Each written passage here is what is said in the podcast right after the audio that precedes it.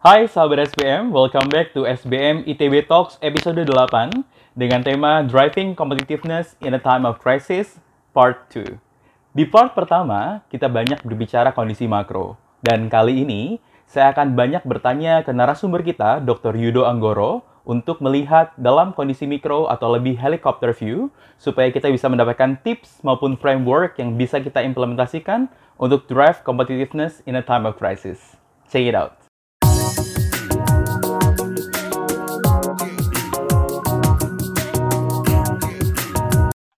Uh, pertanyaan keempat ini menurutku agak mirip sih Pak Yudo. Kalau dari micro point of view, Pak, kira-kira hal apa saja sih yang perlu diupayakan oleh internal perusahaan, bisnis, atau bahkan individu untuk bisa both surviving, yaitu kompetitif di tengah-tengah krisis, dan juga fighting, Pak, mengambil kesempatan atau any opportunities that are available pasca krisis nanti.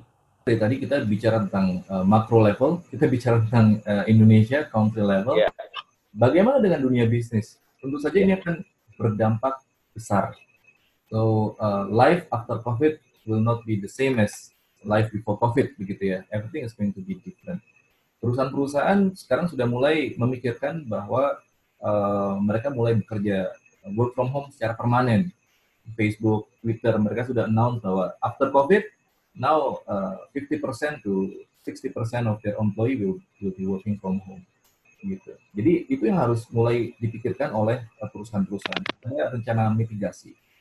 Ini tentu saja berdampak juga ke dalam dunia bisnis. Misalkan uh, hotel, ya hotel-hotel harus mulai memikirkan uh, apa prosedur-prosedur penanganan COVID. Misalkan uh, prosedur untuk antri, prosedur untuk melakukan pembayaran. Restoran-restoran juga begitu.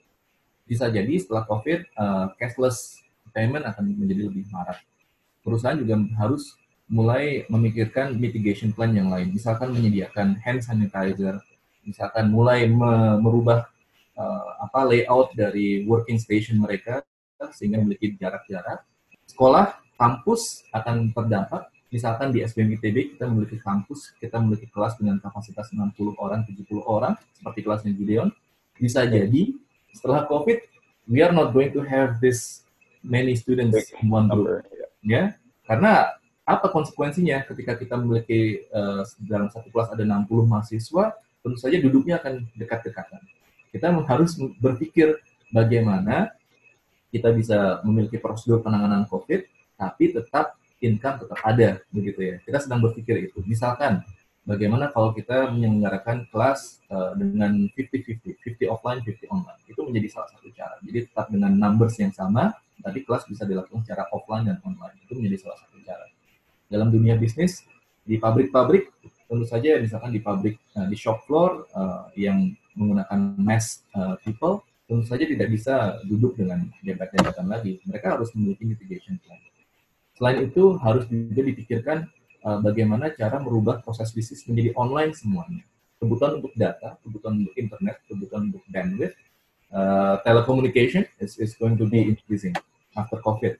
Uh, jadi harus punya menyediakan budget khusus untuk komunikasi, apalagi ketika kita ingin uh, misalkan memiliki rencana 50% uh, online semua. Ada lagi tantangannya adalah dengan semakin banyaknya perusahaan atau bisnis yang uh, bergerak online, akan ada tantangan misalkan cybercrime. Orang-orang yang memiliki niat jahat wow. dalam, dalam uh, dunia cyber, mereka they will see this as opportunity, yeah. right? Ketika cashless society semakin naik, nah this is the opportunity for us to to take out this money. Ya, jadi so so harus memiliki budget khusus untuk tidak hanya tentang online tapi juga about our security. Jadi sekolah, bisnis, they need to provide more security about about their information system. Jadi teman-teman yang bergerak di bidang information system and security, information security, they will be happy after crisis because uh, the demand is going to be there. Tentu saja cara pandang kita juga harus lebih lebih uh, berubah. Konser konser-konser uh, bioskop mungkin uh, yeah. akan akan menjadi declining gitu. Kita akan menjadi reluctant untuk untuk pergi ke konser ataupun bioskop. Netflix mungkin akan atau streaming video lain on demand video akan lebih marak. Jadi bisnis juga harus lebih berubah. Termasuk juga sekolah. Kelas-kelas online, sertifikat online, ya ijazah online, program-program seperti itu yang harus kita pikirkan juga. Tentu saja harus didukung oleh pemerintah bagaimana pemerintah misalkan kita ingin menyelenggarakan kelas-kelas online dengan ijazah yang online, pemerintah bisa uh, setuju dengan itu. Itu tantangannya gitu. Jadi kalau dari contoh-contoh Bapak nih saya lihatnya semua lini bisnis akan perlu pivoting ya Pak ya. Nggak ada lini bisnis yang free from this um, crisis. Tapi mungkin pivotingnya akan berbeda-beda tergantung kira-kira critical point mereka di mana. Kalau mereka ternyata perlu emphasize more on operation, maka mereka harus ngelihat nih kalau di marketing mereka seperti apa dan tentunya budgeting juga akan perlu karena mungkin ada banyak hal yang kemarin nggak ada atau bukan bagian dari priority sekarang wajib untuk mereka lakuin. Betul, betul. Uh, termasuk juga salah satu sektor yang hit very hard by by COVID is, is, is hospitality tourism ya. gitu ya. Ada 150 ribu orang yang bekerja langsung di sektor ini di Indonesia dan turunannya bisa jutaan orang yang, yang jutaan orang itu mereka yang menyediakan misalkan uh, warung-warung dan lain-lain itu turis guide dan lain-lain itu terdampak juga airlines akan akan terdampak dengan sangat sangat besar juga Warren Buffett misalkan dua minggu yang lalu dia melepas semua sahamnya di yeah. airlines right so it is when when Warren Buffett uh, let out all the saham di perusahaan-perusahaan airlines itu indikasi bahwa in the future it's not going to be uh, apa promising anymore begitu. Ya. Jadi sektor ini akan akan terdampak uh, dengan sangat besar. Yang penting juga tidak hanya individu di mana kita juga harus memiliki cash yang cukup untuk beberapa bulan ke depan, perusahaan pun juga. So we need to have cash flow is, is going to be the thing. Jadi how we can sustain at least in the next uh, sustain and survive at least in the next uh, six months gitu. So it's it's going to be over, but when nobody knows. Ya, Seru sekali Pak ya, kita sudah berdiskusi tentang makro, tentang mikro, dan pertanyaan kelima akan lebih ke fenomena Pak. Yaitu tentang perang dagang yang selama ini sudah berlangsung antara Amerika Serikat dan Tiongkok, yang tentunya membuat negara-negara lain tuh berlomba-lomba atau berkompetisi untuk menarik investor. Terlebih dengan adanya COVID-19 atau pandemik yang jadi hantaman besar Pak, termasuk untuk Indonesia. Tapi ternyata kalau nggak salah di bulan Mei kemarin ada perbincangan kerjasama antara Amerika dan Indonesia. Salah satunya pembangunan pabrik di Brebes nih Pak. Nah, berarti kan Indonesia masih dipandang seksi nih Pak secara internasional untuk bisnis atau untuk berinvestasi. Kira-kira kita bisa belajar apa sih Pak dari fenomena ini? Oke, saat ini kita sudah masuk ke era globalisasi. Everybody knows that uh, globalisasi sudah sudah merangkul ke seluruh sektor yang diperlukan tentu saja tidak akan ada negara yang bisa survive sendirian. Akan selalu butuh bantuan negara lain. So, kerjasama multilateral akan akan semakin marak. When it comes to perang dagang Amerika dan Cina, ya Indonesia we, we need to take advantage of that. So kita nggak usah ikutan ke situ gitu kan. So when it comes to perang dagang yang bisa kita lakukan adalah bagaimana kita bisa menyiapkan iklim bisnis yang kompetitif iklim bisnis yang transparan, peraturan-peraturan yang sangat mudah, ease of doing business yang sangat baik, sehingga investor-investor itu mereka mau memindahkan uh, investasinya yang tadinya dari di China atau di Vietnam atau di Meksiko ke Indonesia. Sebagai contoh misalkan uh, mungkin satu minggu atau dua minggu yang lain, dua minggu yang lalu ada perusahaan otomotif di Amerika yang berencana untuk memindahkan uh, apa faktor produksinya dari China ke ke, ke Brebes. Nah, itu menjadi salah satu cara. Jadi sekarang tidak hanya pemerintah saja, pemerintah pusat, tapi juga pemerintah daerah. So they need to uh, on what kind of uh, facilities that they, that they can attract to these investors. Misalkan uh, apa skillful workers di Brebes ternyata pekerjanya skillful loh. Kenapa? Karena banyak sekolah-sekolah kejuruan. Uh, kemudian ternyata biaya hidupnya rendah atau masih banyak tanah-tanah kosong yang bisa dimanfaatkan untuk industri. Jadi tidak hanya menunggu dari pemerintah pusat saja, tapi pemerintah daerah they need to also make campaign. Surabaya misalkan, so they need to make campaign. Ternyata di Rungkut ada uh, apa kawasan industri yang sudah tersedia listriknya, sudah tersedia airnya, sudah tersedia informasi ICT-nya, sudah tersedia jalan-jalannya, highway dan lain-lain. Itu yang mesti dipromosikan tidak hanya di level nasional, tapi juga di level uh, global. Jadi ketika perang dagang yang bisa kita lakukan adalah how it will benefit for us. So kita nggak usah ikut-ikutan yang begitu, ya. Hmm. Uh, when it comes to perang dagang, uh, faktor ekonomi lebih lebih menjadi driving force. Ini bukan lagi tentang ideologi, tapi yang ini how we can get the benefit for our own uh, economic growth. Gitu. Uh, dan satu lagi, ketika kita ada di era globalisasi ini, we cannot uh, stand alone. Kita butuh bantuan negara-negara lain.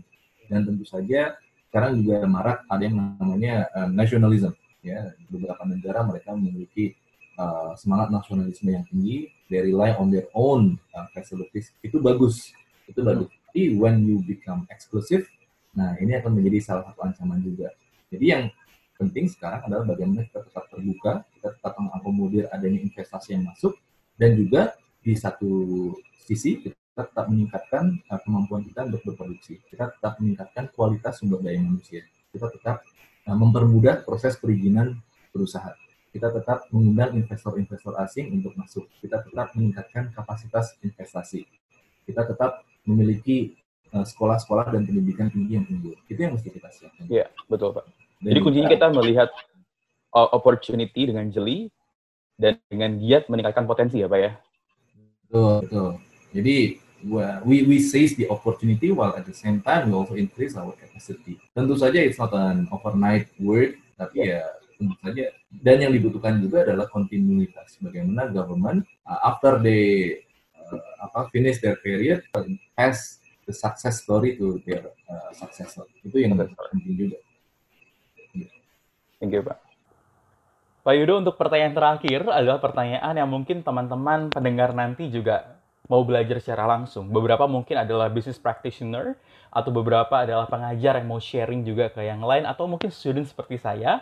Kira-kira Pak, ada nggak sih Pak simple framework atau checklist yang bisa digunakan untuk menyusun upaya driving competitiveness, khususnya dalam kondisi krisis? Ketika kita bicara framework, tentunya sebagai seorang scholar ya, atau seorang intelektual, ya kita bisa melihat beberapa framework-framework yang sudah pernah ditemukan oleh uh, intelektual sebelum kita gitu ya. Dan itu kita banyak diskusikan di dalam kelas-kelas di SDN ITB. Dan tentu saja kita bisa memasukkan framework kita sendiri begitu. Karena dunia berubah begitu ya. Dan mungkin kita bisa mengadakan riset-riset sendiri. Tapi secara overall, when it comes to competitiveness, kita bisa merefer misalkan ke dalam indeks-indeks yang dikeluarkan oleh World Economic Forum gitu ya. Ada beberapa pilar di sini, ada environment, di sini terdiri dari institution, bagaimana government bisa uh, mempermudah perizinan, bisa uh, membuat peraturan-peraturan yang lebih uh, investor friendly gitu ya. Infrastruktur kita cukup bagus di situ. ICT, information and technology, we are not that good in that sector. Macroeconomic stability in 2019 uh, and early 2020 we are good kan ekonomi growth-nya oke, okay, uh, unemployment-nya cukup rendah. Tapi when it comes to pandemic and COVID, we we, we were hit very hard. Ada juga pilar-pilar lainnya misalkan tentang market size. Kita cukup bagus di situ dan uh, not to mention that uh, our population is dominated by the youth gitu ya. Labor market kita kurang di situ. Labor marketnya besar tapi uneducated. Nah, itu menjadi tantangan. Financial system we improve a lot since our last crisis in 1998. Now it's much much better. Market size di situ. Health tadinya bagus tapi uh, karena COVID kita tahu bahwa we are not ready ya. Ada skillful, ada business dynamics, ada innovation. Itu salah satu framework. Ada juga yang uh, framework lain yang mungkin pernah saya sampaikan juga di kelas, uh, frameworknya Porter. Kita bisa yeah. mengukur dari demand. Demand-nya tadinya kita bagus di tahun 2019, tapi karena adanya COVID, demand-nya jatuh. Ya, jadi kita nggak, our, our demand is, is, is very, very low. Bahkan menurut prediksi, economic growth kita hanya mungkin satu persen atau bahkan mungkin minus kalau COVID-nya sampai akhir tahun. So it's, it's going to be a serious threat for us. Jadi ada supply, supply-nya lagi turun. Kenapa? Karena pabrik-pabrik tidak berproduksi, gitu ya. Jadi demand-nya turun, supply-nya turun. Faktor ketiga ada government policy. Ini yang sekarang uh, government government under Pak Jokowi is, is striving hard to to take care of this. Now it is improving. Dan yang terakhir adalah adanya uh, industri-industri yang mendukung industri utama. Nah ini yang kita nggak terlalu bagus juga apalagi after COVID. Jadi demand-nya sekarang nggak bagus, supply-nya nggak bagus, uh, industri pendukung kesusahan, kita hanya bisa berharap how government can stimulate the economy and the competitiveness. So itu itu framework framework kita. Tapi tentu saja akan ada banyak framework lain. Misalkan konsultan-konsultan McKinsey, BCG, mereka they, they come up with some other frameworks. Dan tentu saja uh, SBM ITB pun juga bisa uh, mengeluarkan framework-framework seperti ini dalam riset-riset kita. Apalagi kan kita sekarang punya Center for Policy and Public Management. Yeah. It's going to be like our intellectual uh, home yeah, to produce such a framework to, to contribute to the society. Gitu Gideon. Okay um, thanks a lot Pak. I think you have a lot of things uh, very packed uh, bentar, tapi kita belajar banyak uh, sekali dari makro, mikro, fenomena. Kita belajar framework dan semoga teman-teman yang nonton juga bisa belajar banyak dan jangan lupa untuk main-main ke ITB kalau mau diskusi lebih banyak lagi tentang driving competitiveness karena kalau kita bicara tentang competitiveness it is a never ending game kita harus selalu drive the competitiveness untuk bisa sustain our business yang yang penting sekarang semuanya tetap sehat, eh, jaga ya. stamina, yeah. jaga energi dan jaga motivasi. Dan and let's hope that the crisis is going to end very very soon. Amin. Baik, terima kasih banyak Pak Yudo ya atas waktunya dan ilmu yang sudah dibagikan kepada kita di SBM Talk kesempatan kali ini. Terima kasih Gideon. Oke, sampai ketemu lagi. SBM ITB for the greater good.